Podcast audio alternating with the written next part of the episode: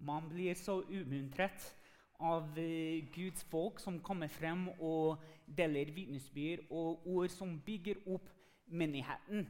Um, jeg må bare si tusen takk for alle dere som uh, står i forbønn for meg på søndag og gjennom uken. Um, jeg føler meg ikke så sint lenger. Og jeg mener at uh, liksom, det er på grunn av at dere jeg vil si liksom kriger for meg og menigheten og brødre og søstre i ånden. Så tusen hjertelig takk for det. Jeg må også fort gi et vitnesbyrd at vi har fått noen nye naboer. Eh, opp ved oss, som her nå er felles venner, og de ble fortalt om eh, Hanne og familien vår. Og så I går kom de og banket på døra og sa hei, ja, vi har nettopp kjøpt uh, huset der, og vi hørte at uh, dere bor i området. og Vi uh, prøver å møte nye folk, og vi har to barn. En som er 13, en gutt, og en som er ni år. De går på Flatåsen skole der, og tenkte ja, så bra. Og de, de, de har litt eh, tilknytning til noen flere menigheter, faktisk. Uh, men uh, long story short, Elisabeth hun dro på besøk med Amanda, søskenbarnet hennes, til å henge sammen med de jenta som var ni år. Og da var den der en stund, og jeg kunne ikke få tak i Elisabeth. Så da tenkte jeg vet du hva, jeg bare går en tur, og jeg vil se huset uansett. og hvordan de har det der. Så banker jeg på døra og blir invitert inn. Eh, og så Han begynte å eh, fortelle meg om livet og hvordan han har kommet til Norge. fordi han er utlending som meg. Så allerede med en gang hadde vi noe i tilfelles. Eh, men eh, etter en stund så begynte han å virkelig åpne opp og fortelle meg om livet. Eh, og han sier liksom 'Kan du be for meg?' Eh, og når man sier det vanligvis, så tror jeg at ja, jeg går bort og så skal jeg be for han på liksom, hemmelig sted. og eh, ikke, ikke, sammen med han. Men når han blir ferdig med samtalen, så sier jeg jeg har hørt to viktige ting vi skal be for her i dag. Kan jeg be for deg? Og så Han var litt begeistra. Sånn, skal vi gjøre det nå? Så sa jeg ja, vi skal be her og nå. Så eh, Han tok imot bønn, og så til slutt sa han Tenk på det, liksom, hvor mange naboer har man at de kan liksom bare besøke dem og be om bønn og bli bedt for. Og jeg tenker det går begge veier. Og det vi har hørt i dag liksom Bønn forandrer på ting. Så det er ikke liksom at vi bare lever med en tro, og Gud er der, og vi er her, og vi har vanlige dager. Men Gud virker i hverdagen så lenge at vi åpner opp livet for Han til å gjøre det. Og eneste måten jeg kommer på at vi kan gjøre det, er at når vi ber Den hellige ånd til å begynne å påvirke oss og drive oss i den retningen at vi ønsker å oppleve Gud i livet. Så pris og takk Gud for at han er levende hver eneste dag. I forrige søndag så startet vi reisen mot første påskedag og, og feire oppstandelsen. Og Jesus det snakker vi om, han er vår redningsmann. Og han betalte prisen for våre synder. Og det var ikke at han må gjøre det mange ganger, men det var én gang for alle. Vi er tilgitt hver eneste dag når vi kommer i Jesu navn. Og Første delen av Bibelen er historien om Guds folk før Jesus kom til verden. Men i den første delen av Bibelen, det gamle testamentet, det forteller mye om at Jesus skal komme. Det forteller mye om Guds plan for å redde oss fra våre synder og det er Jesus. Og det vi leser om, er at folk egentlig de skulle komme til presten. Og presten skulle på en måte forsone den personen sammen med Gud igjen etter de har brutt loven. Og Det her vi snakket litt om forrige søndag, at Jesus han var den siste offeret for alle oss her i dag. Vi trenger ikke å betale noe for Gud. Vi trenger ikke en mellomsmann lenger det en gang for alle i Jesus Kristus. Amen. Så i dag skal vi lese litt i Det gamle testamentet, fra 1. Samuels bok 2.27 36. Og Her skal vi begynne å tenke på hvordan vi kobler Det gamle testamentet til Det nye testamentet. Og det gjelder prester og konger. I Det gamle testamentet så var prestene liksom høyeste menneske eh, for å besøke for at man kunne komme til Gud. egentlig. Man kunne ha det vi kan si liksom, personlig tro på Gud. Men for å virkelig komme i nær kontakt med Gud må de komme til prestene og ofre ting til Gud gjennom den personen. Så her skal vi lese. Det kom en Guds mann til Eli og sa til ham. Så sier Herren, åpenbarte jeg meg ikke for din fars slekt da de var slaver for farao og hans hus i Egypt? Og jeg valgte dem ut blant alle Israels stammer til å gjøre prestetjeneste for meg og stige opp til mitt alter, brenne røykelse og bære presteklær for mitt ansikt. Her kan vi stoppe.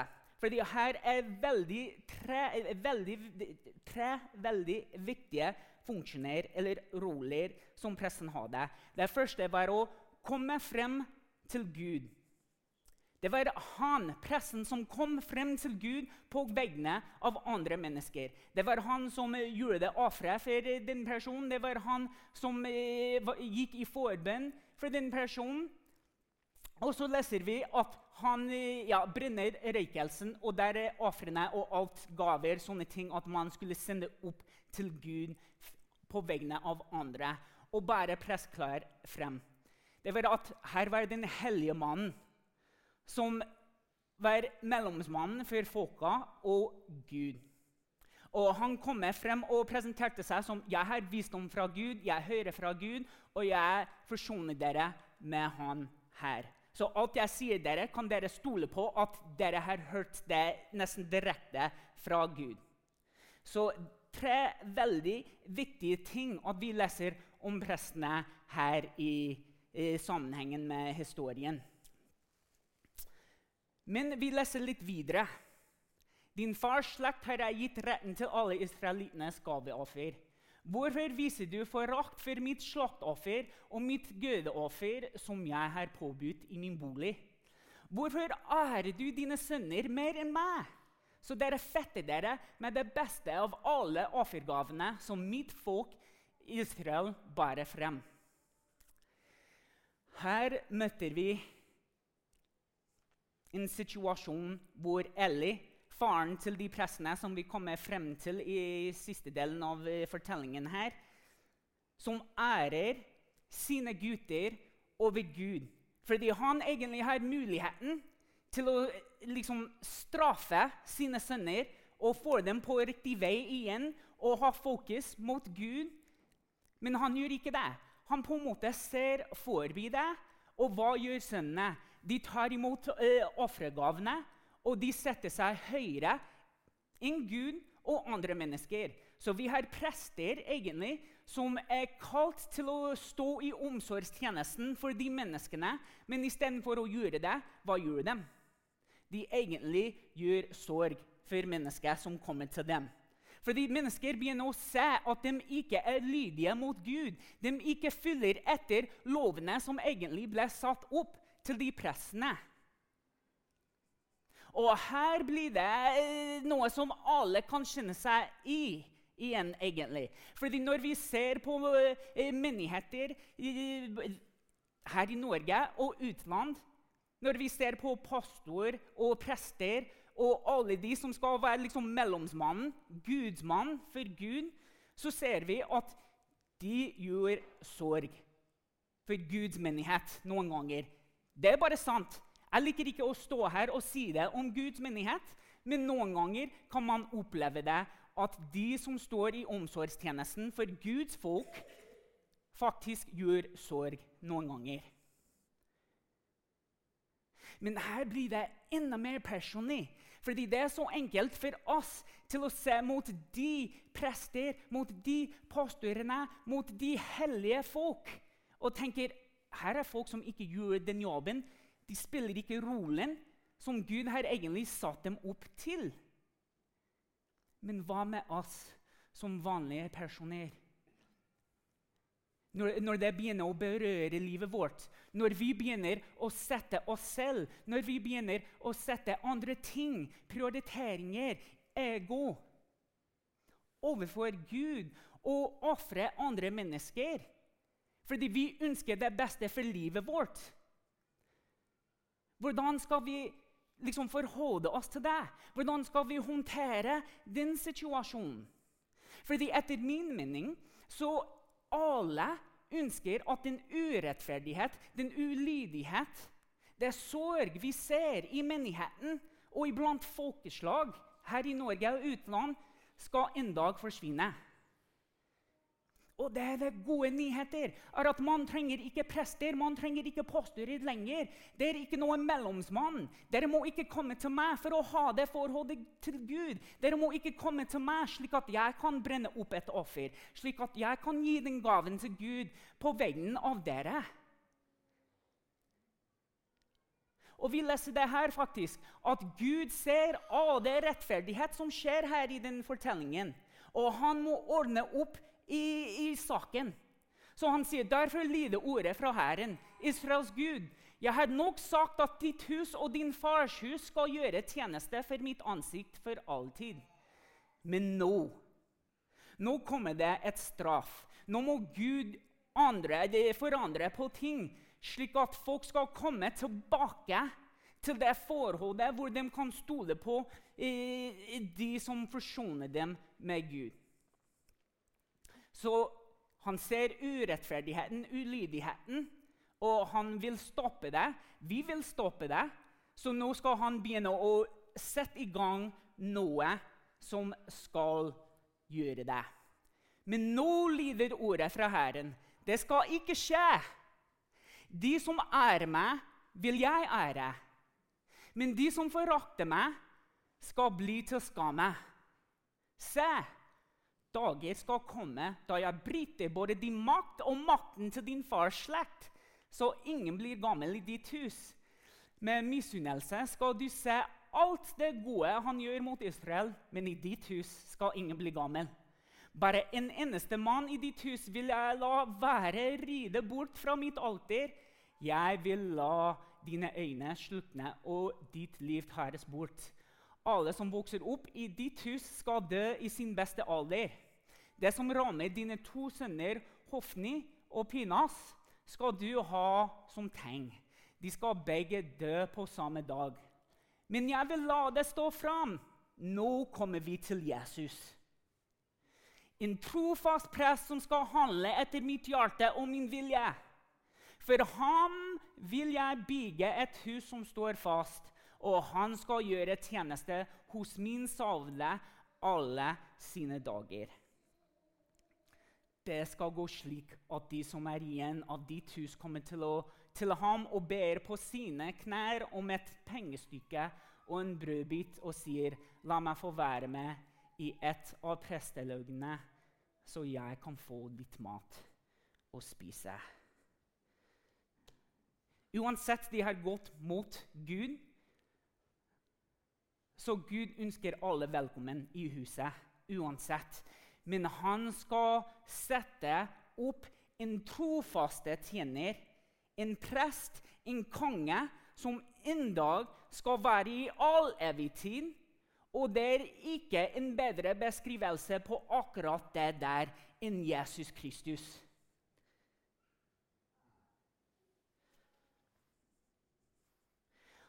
Så kan vi gå litt videre til Salme 110. Fordi når vi snakker om prester og konger, vi begynner å se et mønster. At Gud fører alle mot, alle sitt blikk mot hvem Jesus kommer til å være for hver eneste person som tror på ham. Herren sier til min Herre Og når vi leser i Det eh, nye testamentet, så Jesus blir satt på prøve og, av fariseerne. Og han begynner å spørre dem ja, men hvem sier dere Messiasar da? Hvordan kan David, som er Herren, si til min herre at den personen er hans herre? Hva, liksom, hva mener dere om det her? Og så Da begynner de å tenke Å ja, han, liksom, You got us. You got, hva skal vi si nå? Fordi alle de liksom visste og kunne det her. De visste at det skulle komme en Messias som var og er Jesus. Så vi leser fra konge David i Salmen 110. Herren sier til min herre, Sett deg ved min høyre hånd til jeg får lagt dine fiender som skammel for dine føtter. Fra Sion rekker Herren ut ditt mektige septer. Du skal herske blant dine fiender. Folket ditt møter villig fram den dagen du viser din kraft. Din ungdomsdug kommer til deg i hele prakt. Fra morgen, morgenrødenes fang. Herren har sverget og angrer det ikke. Du er prest til evig tid på Melkisedeks vis. Herren er ved din høyre hånd. Han knuser konger på sin vredes dag. Han holder dom over folkeslag. Det er fullt av lik. Han knuser hoder hvitt over jord. Han drikker av bekken ved veien. Derfor løfter han hodet høyt. Denne salmen her forteller om at Jesus er en enestående konge og prest i makt og i styrke. Og den kongen som sitter ved Guds høyre hånd med den øverste autoritet i himmelen og på jord. Han er garantert seieren over motstanderne sine, og han styrer folkene sine på en måte at de følger etter ham på en frivillig måte. Han hersker ikke over dem og sier 'Nå må dere følge etter meg'. Nei, han elsker dem, han tjener dem og inviterer dem inn til den relasjonen og følger etter ham. Hvor han har blitt garantert seieren over døden, og han hersker over døden. Han tar vare på nasjonene, men samtidig vil at det skal bli rettferdighet og lydighet mot Guds ord der. Så når Jesus står opp fra døden, det vi skal feire om bare noen uker, og steg opp til himmelen Han gjenopprettet Gud, eh, oss med Gud, slik at hans opprinnelige plass var eh, ved Guds høyre hånd. Og hans oppstandelsen var både en stadfestelse av hans posisjon som Guds sønn og i den rettmessige konge over skaperverket. Og han beseirer synd og dødens makt, og han hersket som kongen i dag. Dette betyr folkens, at Jesus har makten og autoritet til å beskytte oss fra all ondskap, og at han fortjener vår fulle forpliktelse og lojalitet. Det var det pressen var satt opp til. Fordi de var trofast til Gud, og de var lojale til Gud. Jesus han var ikke bare trofast og lojal, men han var helt lydig helt inn til døden. Det er akkurat det livet vi er kalt til. Trofaste tjenere. Vi er lojale til Guds kall på livet og vi er lydige helt inn til døden når vi møter Jesus, og han tar oss hjem til Gud i all evighet. Denne sammen forteller oss også at Jesus er en prest. Og eh, som sagt, Prester tilbyr offer og bønn på vegne av deres folk. Men Jesus han er en prest av Melkisedeks slekt. Og det var den største av alle andre prester. Jesus tilbød seg som et perfekt offer for våre synder. Og han er i konstant forbønn for oss i dag. Det vi leser i Bibelen også, er at han sitter ved Guds høyre hånd og er i forbønn for oss hver eneste minutt. Han kler oss i hellige klær, akkurat det vi leste om prestene skulle gjøre i 1. Samuel 2,28, slik at vi gjennom Jesus kan komme nær Gud. Og Det gamle testamentet og alle eh, profetiene om Jesus, til og med Jesus selv, er bevis på at Jesus er en prest og den kongen de venter på og vi kan ta imot i livet vårt. Jesus som prioriterte alle andre mennesker over seg selv og være 100% lydige og lojal til Gud. Han gjør ikke sorg, men heller tar på seg omsorgstjenesten for deg og meg som den fullkomne presten og kongen han er.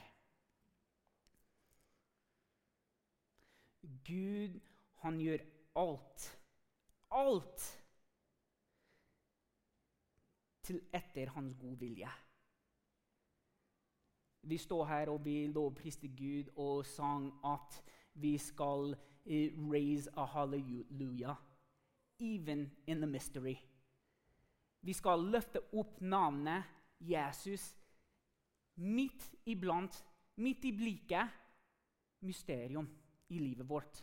Noen ganger lurer vi på liksom, hvorfor skjer det her, Gud. Hva kan jeg gjøre? Hvor er du? Men likevel lovpriser vi Gud, og vi inviterer Han inn i livet vårt, inn i situasjonen, og vi ønsker å se at Han gjør noe der. Fordi Han kan og vil, og det er bare etter Guds gode vilje. Selv om Jesus død så ut som et nedslag, gjorde det Gud alt rettferdig og rett i Jesu oppstandelse. Derfor råper vi ut i kor med David da han sier i Salme 118, vers 17.: Jeg skal ikke dø, men leve. Vi skal ikke dø, men vi skal leve når vi kommer til Jesus. Han er vår frelse. Det er underfylt i våre øyne. Han har banet en vei for oss. En vei som fører oss til Gud. En vei der vi kan igjen komme nær Gud. Selv om vi ofte er skyldige i våre tanker, våre ord og gjerninger. Vi kan ikke gjøre det vi ønsker å få til, uten Gud. Uten det Jesus gjorde på korset. Uten den kraften av Den hellige ånd i livet vårt. Det er ikke opp til meg. Jeg må samarbeide med Gud. Jeg må tro på Jesus. Men jeg må virkelig stole på at Jesu ånd lever i meg, slik at jeg kan overkomme noe ting som jeg opplever i livet. Slik at du kan bryte gjennom det som prøver å hindre deg i livet ditt og det forholdet med Gud. Gud gir oss sin nåde Hør nå.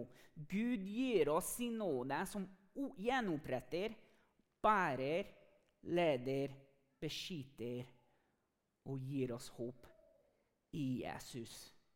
Han som er vår prest, vår konge, vår redningsmann. Amen.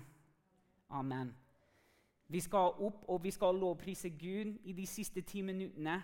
Men hvis du vil ha forbønn hvis du tenker jeg vil at noen skal utmuntre meg, bygge meg opp, da må du bare komme frem. Vi ønsker å be sammen for alle våre brødre og søstre. Vi ønsker å løfte opp navnet Jesus og se hvordan Den hellige ånd ønsker å bevege seg i livet ditt i dag. Nå. Gud, vi takker deg for at du har sendt vår redningsmann Jesus Kristus. Vi takker deg, Jesus, for at du er vår prest, vår konge. Du er vår mellomsmann. Takker deg for at du har forsonet oss med Gud. Takker deg for at du var lydig til Gud. Du er lojal til Gud. Du har sendt din ånd til hver eneste. Du har gitt din ånd til hver eneste som tror på deg, Jesus.